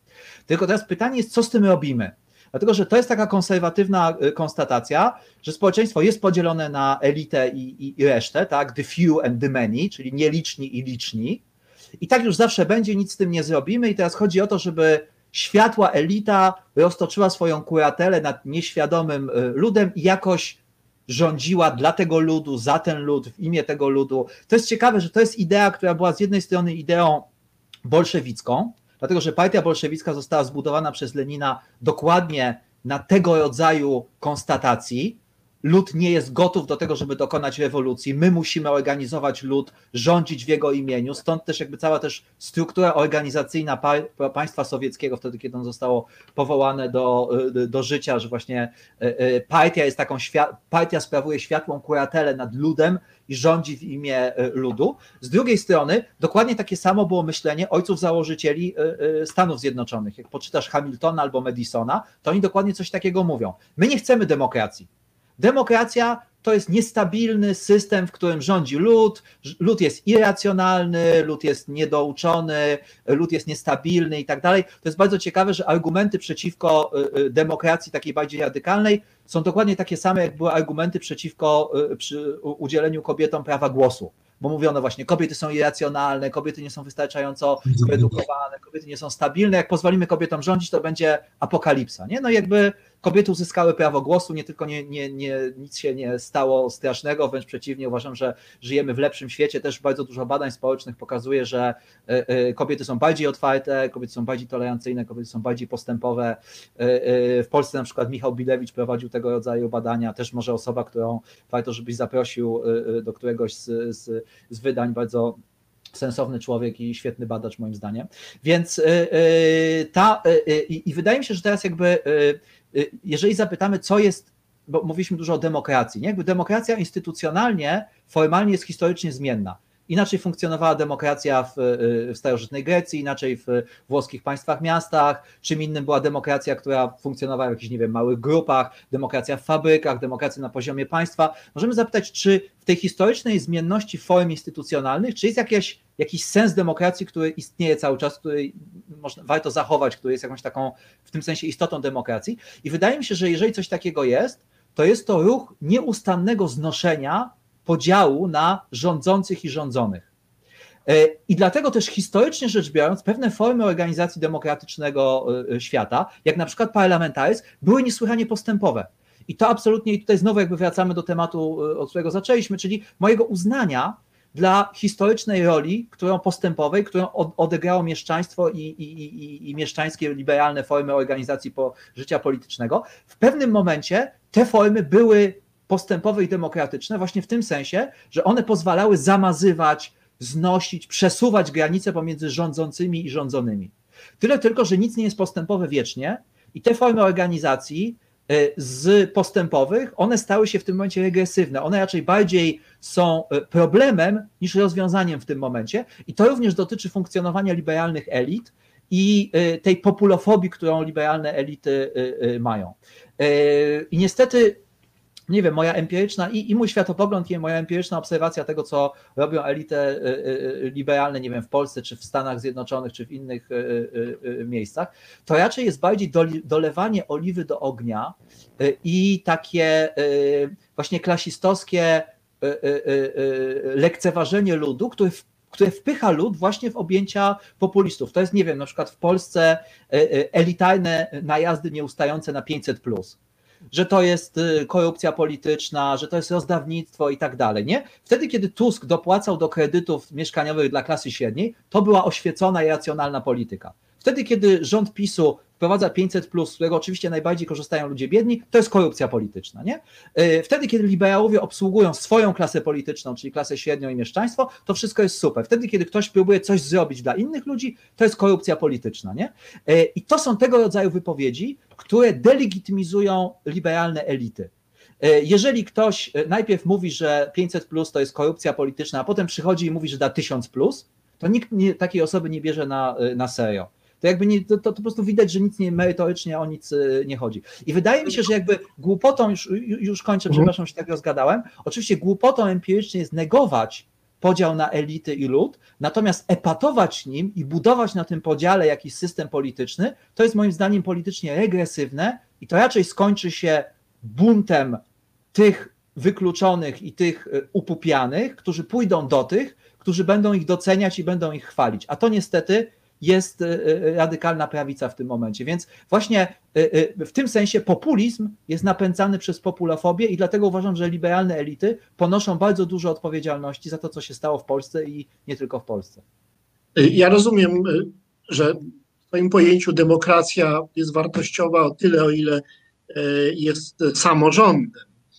Mhm. Ale samorządzenie się prowadzi zawsze do spłaszczenia hierarchii społecznej. W pewnej mierze, w pewnym sensie jest to zawsze dobre, o tyle, o ile ci, którzy są na szczycie hierarchii, są niesprawiedliwie uprzywilejowani, na przykład ekonomicznie, albo mają dostęp uprzywilejowany do pewnych zasobów kulturowych. To jest oczywiście niesprawiedliwe. E, ale jest też takie inne pojęcie hierarchii społecznej, bardziej związane z taką e, pierwotną zastaną strukturą społeczną, taką endemiczną, na przykład starsi są ważniejsi niż młodsi, ojcowie rodzin, powiedzmy, mają w tych rodzinach jakimś szczególnym szacunkiem i tak dalej, i tak dalej. No są jakieś zastane hierarchie. E, jak tę samorządność w ogóle można godzić ze strukturą społeczną? Czy samorządność taka instytucjonalnie, technologicznie, prawnie, e, no, akcelerowana, wsparta, rozbudowana, wyposażona w konkretną prerogatywę, ona nie byłaby e, jakoś e, destrukcyjna no, dla tego wszystkiego, na, na czym konserwatywnej przynajmniej części społeczeństwa bardzo autentycznie zależy, żeby no powiedzmy ojcowie mieli więcej do gadania niż synowie, prawda? Mężowie więcej niż e, żony E, nie wiem, rdzenni mieszkańcy, tubylcy miejscowi e, więcej mieli do gadania niż ci, którzy się niedawno mm, osiedlili. E, to oczywiście nie są moje emocje, ja, ja nie jestem konserwatystą, ale faktem jest, że społeczeństwo ma tam wbudowane swoje mm, hierarchie, które jakoś stanowią ich tożsamości. E, a taka daleko posunięta samorządność, e, taka deliberatywna demokracja bezpośrednia, e, no jednak działa destrukcyjnie na te struktury społeczne. Czy nie widzisz w tym jakiegoś zagrożenia? Wiesz to wydaje mi się, że to jest taka mm, nieustanna dialektyka stanu i dążenia. Znaczy mamy rzeczywiście empirycznie, tak jest jak powiedziałeś, że są pewne hierarchie, jedni są ważniejsi, inni są e, e, mniej ważni. Natomiast e, właśnie dlatego powinniśmy konstruować mechanizmy, które nie pozwolą się ustabilizować żadnemu tego rodzaju podziałowi i które jednocześnie będą podważały nowe podziały. I zresztą częściowo takie mechanizmy mamy, na przykład kadencyjność i rotacja że nie można być w nieskończoność wybieranym na, na, na pewnego rodzaju stanowisko. To wszelkie na przykład, nie wiem, radykalnie demokratyczne pomysły na organizację policji, sił porządkowych, nie? Bo to jest jakby, to nie jest tak, że tylko konserwatyści uważają, że potrzebne są siły porządkowe. Przypadki, przykłady empiryczne, nie wiem, na przykład Rożawa, czyli w północnym Kurdystanie samorząd kurdyjski, który właśnie się zorganizował zgodnie z takimi zasadami radykalnie demokratycznymi. Zresztą bardzo dziwna historia, ponieważ Oczalan w więzieniu w latach 90. przeczytał Muraja Bukcina, amerykańskiego anarchistę i stwierdził, że właśnie autonomia kurdyjska nie powinna być państwem w takim sensie burżuazyjnym, tylko powinna być właśnie alternatywą polityczną, ale nie państwową. I tam oczywiście są, zwłaszcza, że to jest rejon nieustających wojen i tak dalej, zagrożenia, więc oczywiście, że tam są siły zbrojne, ale zasada jest taka, że na przykład nie, nie, nie możesz, że, że to jest rotacyjne. To nie jest tak, że tworzymy grupę ludzi, którzy mają pistolety i, i, całą resztę, które nie ma dostępu do broni palnej, w związku z czym kończy się to tak jak w, w przypadku policji, że ci, którzy mają pistolety, strzelają do tych, którzy nie mają pistoletów, nic się nie da z tym zrobić, nie? To jest rotacyjne, jesteś na przykład, nie wiem, przez dwa lata w tego rodzaju służbie, a potem koniec, już nie możesz, nie? I wszyscy, wszystkie y, y, y, jakieś sensowne koncepcje, których trochę jest, nie wiem, na przykład John Bernheim, taki filozof australijski, który opracował pomysł demarchii, czyli połączenia demokracji i anarchii, właśnie oparty na losowaniu i tak dalej. Tam jest bardzo dużo tego typu mechanizmów rotacyjnych, że nie możesz pewnych rzeczy, że nie możesz, ogólnie chodzi o to, żeby rozbijać akumulację. Akumulację kapitału symbolicznego, kulturowego, politycznego, która pozwala ci, zobacz na przykład jedność elit politycznych. Mamy zawodowych polityków. Tusk z Kaczyńskim mogą się o wszystko spierać, ale fakt jest taki, że żaden z nich nigdy w życiu nie robił właściwie niczego innego poza byciem politykiem, poza rządzeniem. Mamy tego typu ludzi, którzy po prostu z bycia częścią aparatu władzy zrobili sobie zawód. To jest zawodowy polityk, jest wrogiem demokracji. To nie powinno mieć miejsca. To powinno być absolutnie zakazane. Dlatego na przykład ten, ten mechanizm losowania jest dobry, bo każdy i każda ma takie, ta, samo, taką samą szansę bycia wylosowaną. W przeciwieństwie do wyborów, kiedy ludzie, którzy mają już doświadczenie w tym, jak ten system funkcjonuje, mają zasoby, mają struktury i tak dalej, mogą wiecznie w tym systemie trwać. I to jest miara alienacji władzy demokratycznej od konstytuującego tę władzę ludu, czy też suwerena, tak? no słowo, którym już sobie tylu polityków powycierało gęby, że już właściwie niewiele ono znaczy, więc z pewnym oporem tego używam, ale wydaje mi się, że wiemy o co chodzi. Nie? Moc konstytuująca jest kompletnie wyalienowana od władzy ukonstytuowanej, którą sama tworzy. To bardzo są ciekawe i daleko idące poglądy. Ja, ja się Jestem bardzo przywiązany do idei profesjonalności, profesjonalizmu. Bałbym się, żeby cała nawa państwowa była w rękach rotacyjnie wybieranych czy desygnowanych, a tym bardziej losowanych. Ale jest teraz w rękach profesjonalistów i zobacz, co się dzieje. No, wiesz, no, nie, nie, nie, nie. Rzeczy można mówić o tej klasie, ale nie to, że oni są kompetentni, że wiedzą, jak rządzić. Oni wiedzą, jak się utrzymać przy władzy. I to przede wszystkim, ma, partie są przede wszystkim mechanizmem replikacji swojej własnej pozycji, tego jak się utrzymać przy władzy. I w tym oni są bardzo y, sprawni. Dbali to prawda. Nie uważam. To prawda, niemniej jednak coś takiego jak zawodowy polityk na świecie istnieje. Donald Tusk, tu muszę skorygować, jednak parę innych rzeczy w życiu też robił. Był wydawcą na przykład. Również malował przez, kominy. Przez pięć lat no tak, ale to są doraźne, wiesz, doraźne rzeczy. Okej, okay, no ja też kiedyś rozklejałem plakaty, ale to wiesz, jakby nie, nie, nie znaczy, że jestem profesjonalnym plakaciarzem. No jestem zawodowym akademikiem, to jest mój zawód, a on jest zawodowym politykiem, to jest jego zawód. On jest zawodowym politykiem, ktoś dłużej z tego utrzymuje, no to jest zawodowym politykiem. Ale to, to, moim zdaniem to nie, to, tego nie powinno być w demokracji. To jest samo w sobie bardzo ciekawą kwestią. Widzę, że jest pogłos, przepraszam, przypuszczam tylko, że mam włączonego w jakiegoś YouTube'a. Dobrze, teraz nie powinno być. Więc samo w sobie kwestia profesjonalności i jakby zderzenia idei profesjonalizmu, który no jest jakąś rękojmią kompetencji, z demokracją, czyli z legitymacją masową do sprawowania funkcji, To jest szalenie ciekawy temat, jakkolwiek czasu już nie mamy, żeby go omówić, ale zaznaczam dla wszystkim sobie też, że to jest bardzo interesujący i ważny temat, wymagający przemyślenia. Znowu Bo na, na czacie może w charakterze już jakby przejścia do głosu no. ludu, no. na czacie się pojawiła kwestia profesjonalności korpusu urzędniczego. I wydaje mi się, że to jest bardzo słuszny postulat i powinniśmy odróżnić proces decyzyjny od wdrażania tego w życie. Bo czasem ludziom się wydaje, że radykalna demokracja polegałaby na tym, że musieliby się cały czas wszystkim zajmować. Mówimy o momencie politycznym, a nie administracyjnym.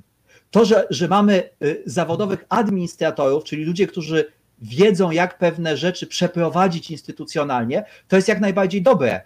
Chodzi o moment podjęcia decyzji, czyli ustalenia priorytetów tego, co robimy, a nie praktycznego wdrażania w życie. Więc tutaj Ale nie jesteś zwolennikiem technokracji. To znaczy, nie uważasz, że rządzący to jest wykonawca pewnych zleceń, który ma się znać na pewnej robocie, do której jest wynajęty. No, no, no, nie, no nie, dlatego że technokracja zakłada, że y, decyzje nie są polityczne.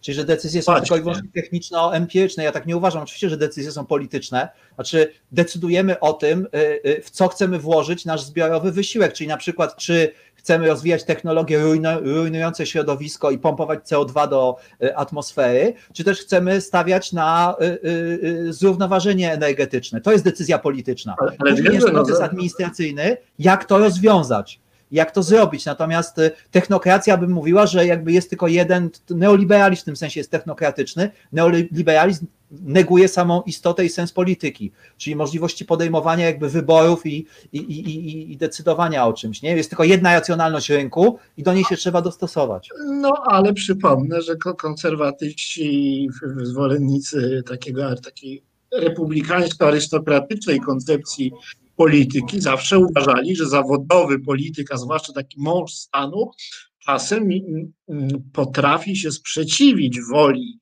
powszechnej, E, e, w imię dobra społecznego, które widzi lepiej niż ogół.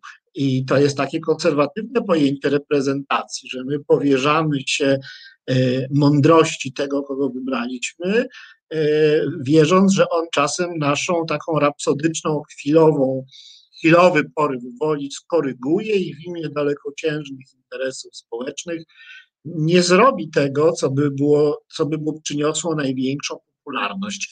I miarą e, dojrzałości i doskonałości polityka w takim republikańskim pojęciu jest właśnie to, że czasem potrafi zrobić coś ryzykownego, niepopularnego. Zgadzasz się z tym? Znaczy wiesz, to, to jest e, ciekawe, bo to jest e, wątek, który dokładnie, też a propos tego, co widzimy w Stanach Zjednoczonych, to jest wątek, którym dość e, dużo zajmuje się de Tocqueville w swojej książce o demokracji w Ameryce. Tak. I mówi dokładnie to, co ty powiedziałeś, czyli że Republika Amerykańska jest ufundowana właśnie na tym przekonaniu, że światła klasa polityczna świetnie troszczy się o interes publiczny i określa to takim ironicznym komentarzem w pewnym momencie.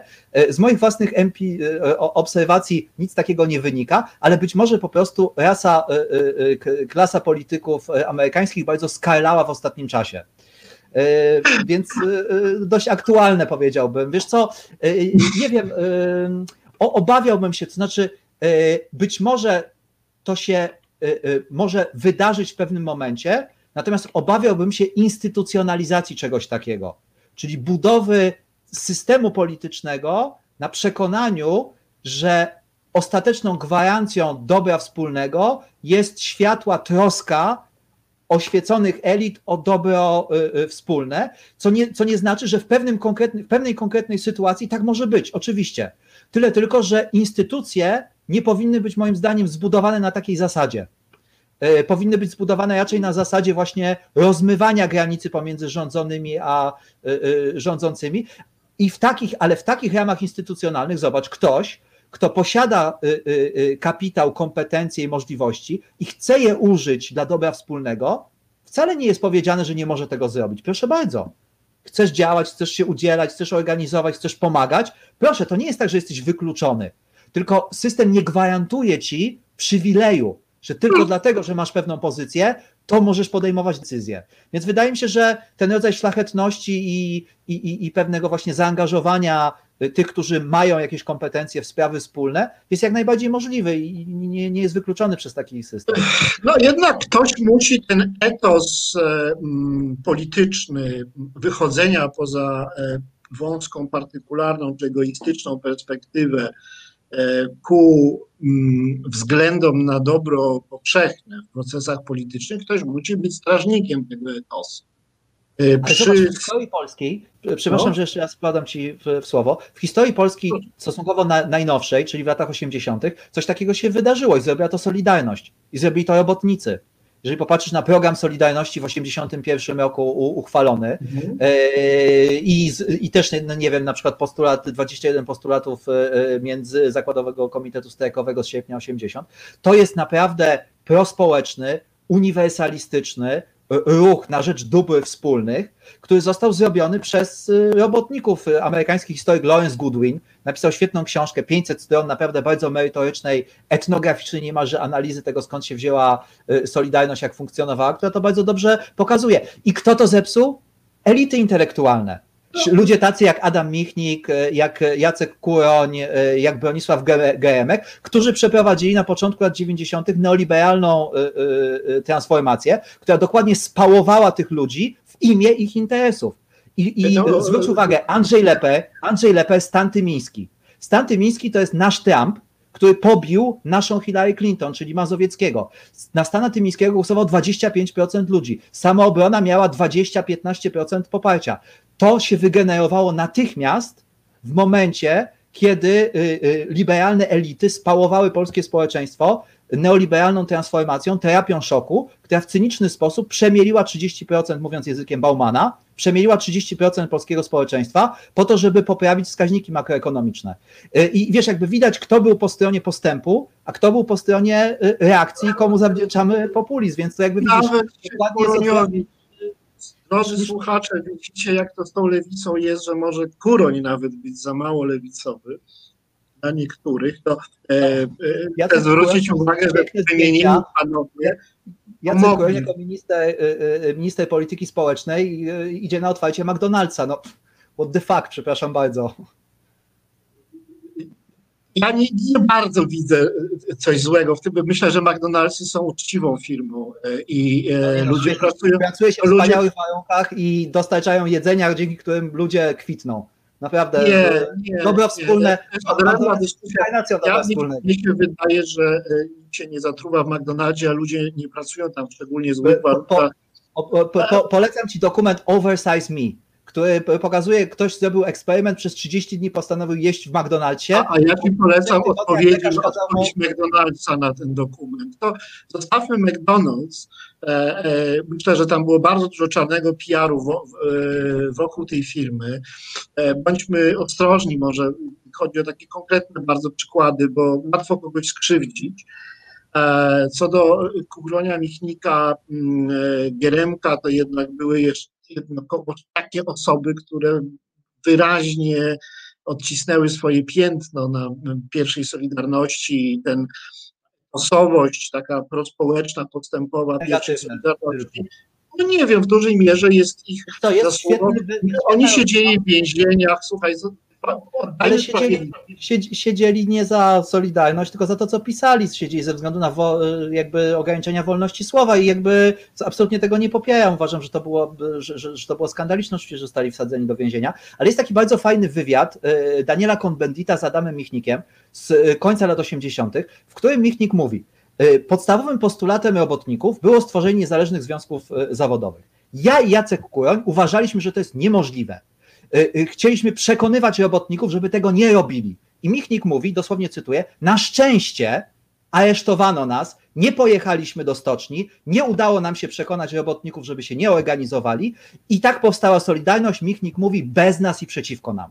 To są dosłownie słowa Adama Michnika. Y, y, w książce, którą tutaj ktoś wspomniał na czacie, Inna Rzeczpospolita jest możliwa, opisuje to szerzej, cytuję, jest to wywiad opublikowany, Michnik to powiedział i wydaje mi się, że bardzo trzeźwo y, zdał sprawę ze swojej rzeczywiście roli historycznej, która jest dokładnie taka, jak mówię, a nie taka, jak ty interpretujesz. A ja może też taką anegdotę przypomnę. Jak miałem 12 lat, e, Jacek Kuroń ze swoją żoną Gają odwiedził mojego ojca we Wrocławiu I ja przez kilka godzin siedziałem przy tym stole i słuchałem e, Jacka Kuronia, mówiącego o swojej wizji sprawiedliwej Polski przyszłości. I Polsce e, głos należał przede wszystkim i sprawczość do samoorganizujących się pracowników na czele z robotnikami.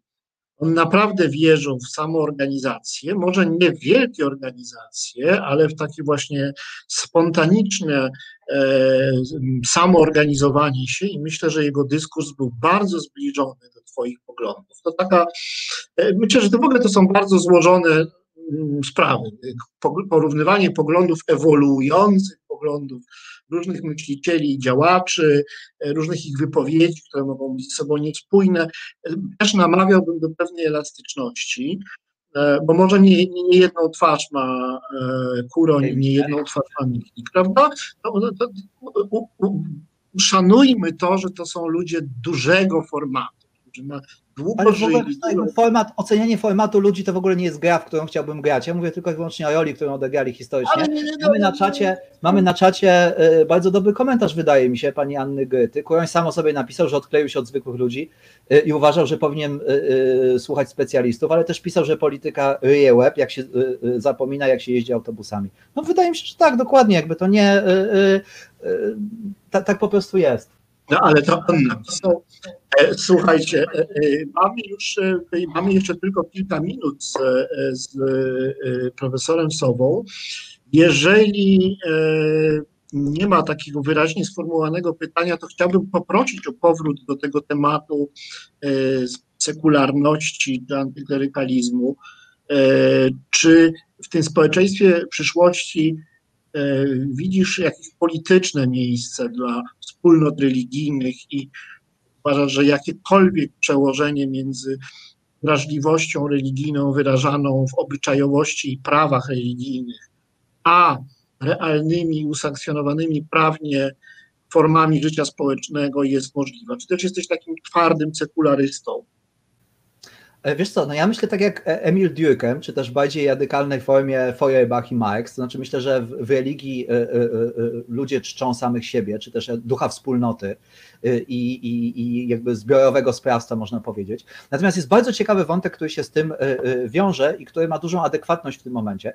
Mianowicie mieliśmy przy okazji strajku kobiet takie wystąpienie w parlamencie Jarosława Kaczyńskiego, e, kiedy on powiedział, że e, nie ma żadnej alternatywy etycznej dla systemu, który proponuje Kościół e, katolicki, że to, co obserwujemy, jest niesłychanie niebezpieczne, dlatego że to jest jakby zwrot w stronę barbarzyństwa, rozpadu społeczeństwa i w ogóle jakby straszliwe załamanie. Nie? I teraz wydaje mi się, że to jest bardzo ciekawy wątek, dlatego że nie tylko moim zdaniem nie jest tak, jak mówi Kaczyński, ale nawet on sam jest już częścią pewnego nowego ruchu, który wydaje mi się może zastąpić e, e, e, tę starą duchowość czy stary spirytualizm, bo proszę zwrócić uwagę, druga bardzo kontrowersyjna sprawa, która mniej więcej w tym samym czasie była w parlamencie, to była tak zwana piątka dla zwierząt, na którą PiS się nie chciał zgodzić, a którą Kaczyński forsował.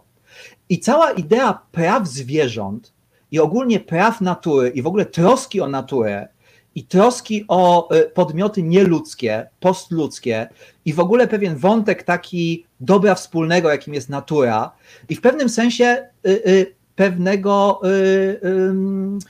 to jest w pewnym sensie pogański wątek, tak? taki panteistyczny, jeżeli chcielibyśmy go spirytualistycznie rozumieć, który również jest elementem fundującym takich podstawowych ruchów politycznych teraz postępowych, na przykład Extinction Rebellion, wydaje mi się, że to jest pewien rodzaj nowej duchowości, nowej etyki i nowego w ogóle systemu etycznego, który się powoli wyłania i który ma szansę zastąpić y, chrześcijaństwo. Więc wydaje mi się właśnie, że nie tylko nie jest tak, jak mówił Jarosław Kaczyński, ale właśnie nie wiem, czy to dla Jarosława Kaczyńskiego jest dobra wiadomość, czy zła, ale on sam jest już właśnie y, w tym momencie, kiedy uważa, że powinniśmy się troszczyć o zwierzęta i że zwierzęta też mają pewne prawa, on sam właściwie jest częścią tego ruchu, y, przeciwko któremu tak y, radykalnie y, występuje. Natomiast również Powiem Ci, jeśli jeszcze chodzi o ten poprzedni wątek, bo one się tutaj zazębiają, mianowicie elit liberalnych, to niestety dokładnie taką samą opinię to znaczy, że chrześcijaństwo i katolicyzm stanowią jedyny system etyczny, który utrzymuje polskie społeczeństwo w jakimkolwiek gorsecie. Dokładnie taką usłyszałem od Karola Modzelewskiego. Spotkaliśmy się w, to był 2000 15 rok w, y, y, y, w Lwowie na jakiejś konferencji. I właśnie w czasie rozmowy w, w kuluarach on coś takiego powiedział. I to niestety jest, zresztą o tym wiemy i to właściwie od czasu książki Adama Michnika Kościół Lewica Dialog, to jest po, przekonanie polskich elit liberalnych i to przekonanie przyczyniło się do cementowania pozycji Kościoła i również wpływało na pozycję elit liberalnych wobec Kościoła i jego hegemonii, bo niestety prawda jest taka, że te elity nic nie zrobiły. Donald Tusk, o którego też wspominaliśmy, zanim został e, premierem, to był ta, ta, ta, za pierwszym e, razem, e, wziął ślub kościelny ze swoją partnerką, z którą miał ślub cywilny od lat 80. Nie więc jakby tyle, jeśli chodzi o postępowość naszych elit liberalnych. Tak, ja muszę powiedzieć, że akurat to stanowisko mm, podzielam. Mógłbym usprawiedliwiać Karola Modzelewskiego, który był profesorem mediewistyki, historii średniowiecza i ludzie, którzy się zajmują średniowieczem, zwykle mają dużo sentymentu dla, dla Kościoła, ale no nie wszystkich można. Wielki szacunek dla Karola Modzelewskiego, naprawdę. Uważam, jego książki są świetne, jego postać ogólnie, nie, w ogóle to nie chodziło, e, e, widzisz, bo jakby nie, bo ty powiedziałeś wielki format, mały format człowieka, ja w ogóle nie chcę krytykować ludzi. Bardziej interesują mnie procesy, I to, jest, to są pewne rozkłady strukturalne czy społeczne, mhm. których ludzie są bardziej symptomami niż tutaj podmiotami, więc absolutnie nie, nie chodzi mi o krytykę postaci osób czy jakiś taki osąd moralny. Ja rozumiem, ale to się jakby no jest jednak pewna, pewne środowisko elitarne, intelektualistów, ono się dzieli politycznie, ono też się dzieli pokoleniowo to nie jest bez znaczenia, jak pojedyncze, poszczególne osoby na siebie patrzą, jak się traktują. E, no jest też jakaś zmiana warty, prawda? No, należysz do pokolenia, które się przygotowuje jakby do tego, żeby za 10 lat, powiedzmy, kilkanaście lat, no już przejąć jakby tę odpowiedzialność za intelektualną kondycję E, demokratycznej części, części społeczeństwa i tutaj pewna ciągłość e, i pewne też takie mm, towarzyskie porządki, powiedzmy, dobre relacje e, są czymś ważnym. Ja, ja, ja mam też różne swoje jakieś idiosynkrazje, mam żal do tego czy tamtej, ale bardzo mi zależy, żeby to, to środowisko no, tych takich liderów opinii, powiedzmy, jeśli jeszcze coś takiego istnieje, no było chociaż trochę jakby solidarne. Także jako, że już właściwie się kończy nasze spotkanie, popatrz jak szybko to minęło, prawda? E, e, ja mam wrażenie, że dopiero zaczęliśmy rozmawiać. To jeszcze chciałem to jedno pytanie zadać, bo to cały czas jakoś tutaj to pobrzmiewa, takie jakieś, jakieś antagonizmy.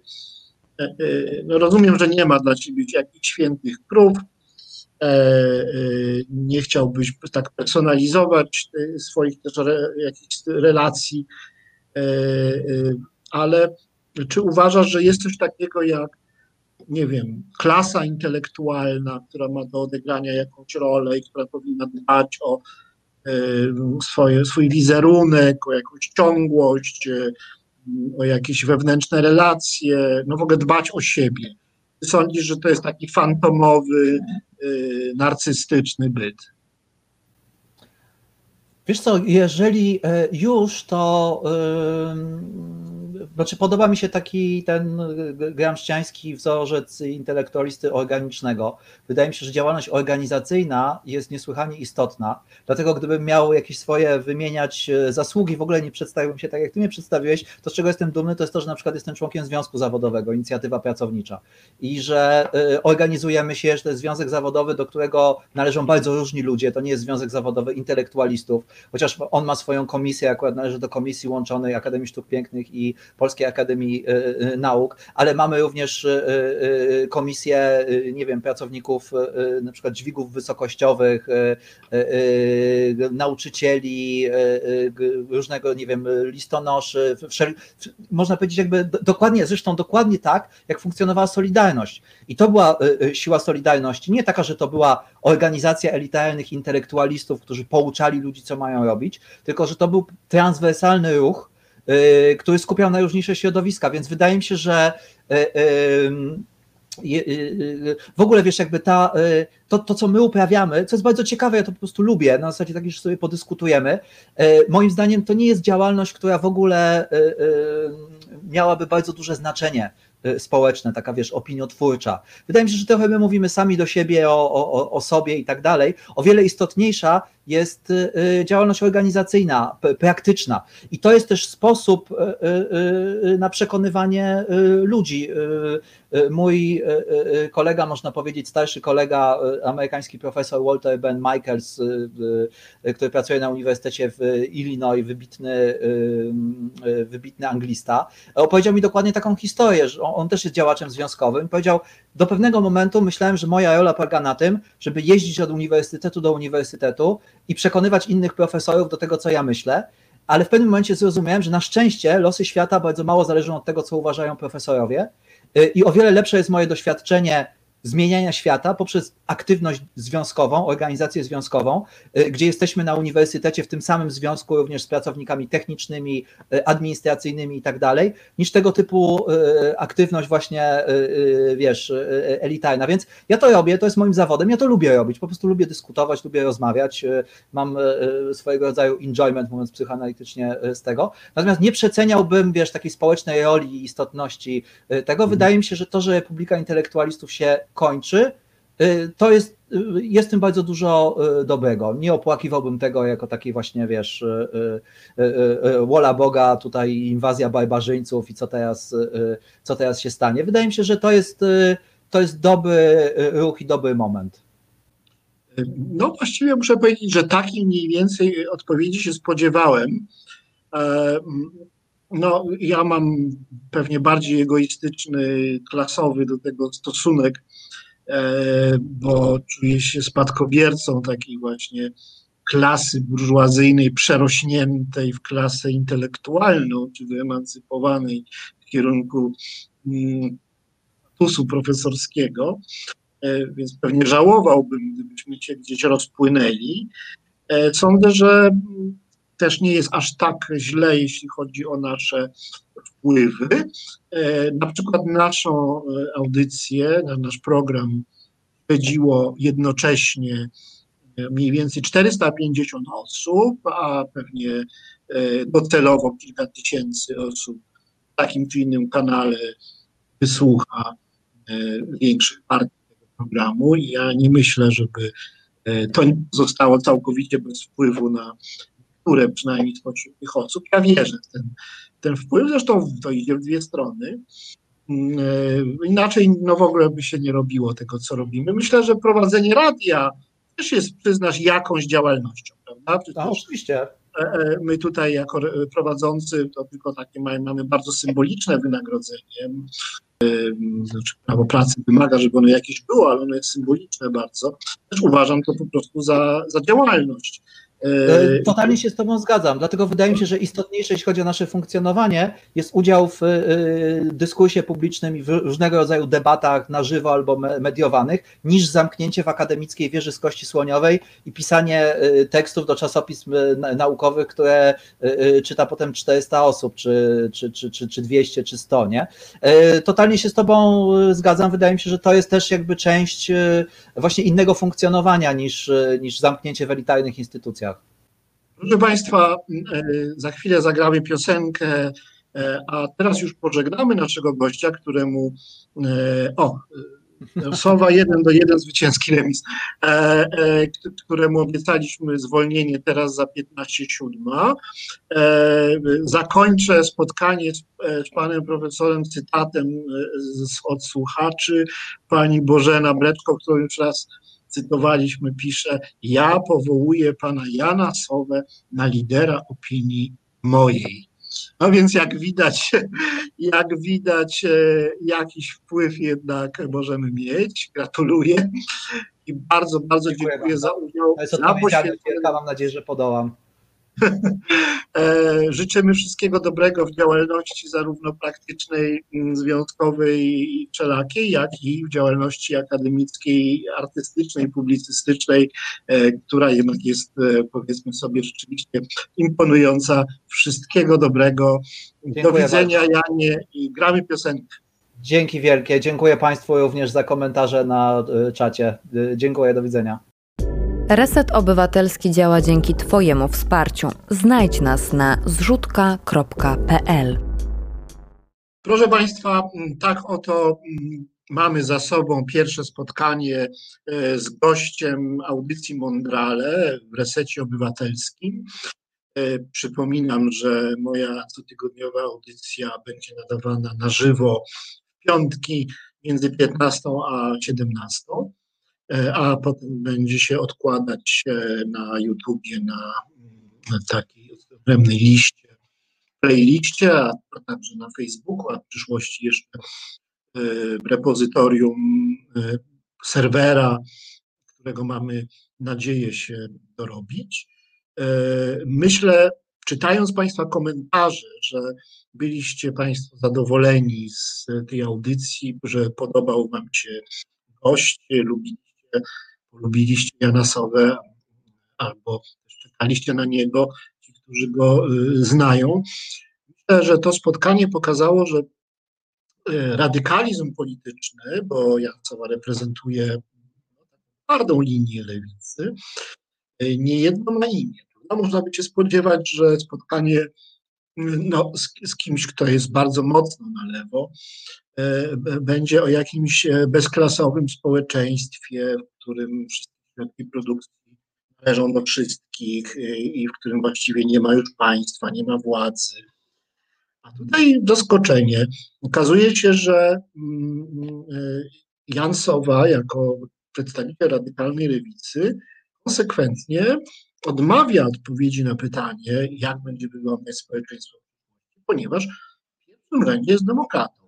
Jego radykalizm polega na radykalizmie demokratycznym. On wierzy w to, że ludzie potrafią, są dorośli, odpowiedzialni, potrafią rządzić sami sobą. I nie można im narzucać docelowego ustroju, e, sami sobie wymyślą, jak chcą żyć, byleby nie zniszczyli tego egalitaryzmu i tej e, samorządności. Rozumiem, są takie warunki brzegowe, które e, na siebie nakłada, e, powiedzmy, na społeczeństwo taki lewicowy myśliciel. Ale to nie jest żadna ideologia, chyba trzeba by to przyznać. W pewnym sensie Jan Sowa jest generałem, takim zradykalizowanym. E, jeśli się różni od e, tradycyjnego liberała, to tym, że nie wierzy w profesjonalną politykę e, partyjną i nie wierzy w kuratele elit. Wydaje mu się, że elity są takie bardziej samozwańcze, nie ma co na nie liczyć. Ludzie sobie poradzą bez tych elit. Są ważne kiedy no powiedzmy dobrą wolą przykładają się do organizacji takich samo, e, samorządowych czy samorządnych form e, społecznego e, istnienia, społecznego bytu. Ja muszę powiedzieć, że i, i ja jestem bardzo tym usatysfakcjonowany, dlatego że to spotkanie pokazało, że jest ciągłość między taką tradycją liberalną a lewicą, że gdzieś się jednak ze sobą spotykają. Wszyscy przyjęli taką diagnozę, że no, kapitalizm taki, jakim był, e, powiązany z instytucjami politycznymi, wyczerpuje swoje możliwości, e, że globalizacja, nowe warunki funkcjonowania biznesu, e, rządzą ogromne instytucje finansowe, międzynarodowe, ogromne korporacje globalne, że te warunki ekonomiczne w zderzeniu z no, kryzysem lokalnych, krajowych demokracji parlamentarnych opartych na systemie partyjnym, że to wszystko wymaga jakiegoś resetu, jakiejś przebudowy.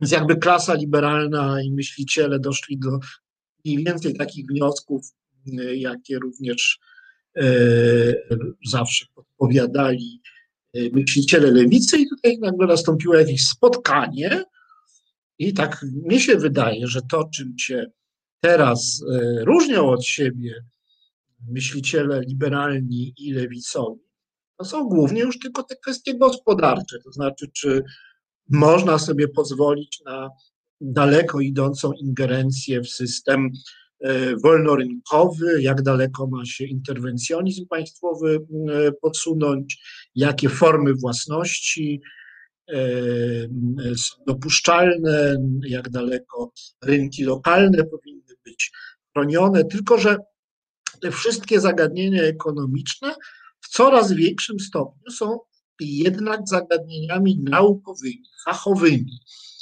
E, I tutaj też jest możliwa całkowicie spokojna dyskusja.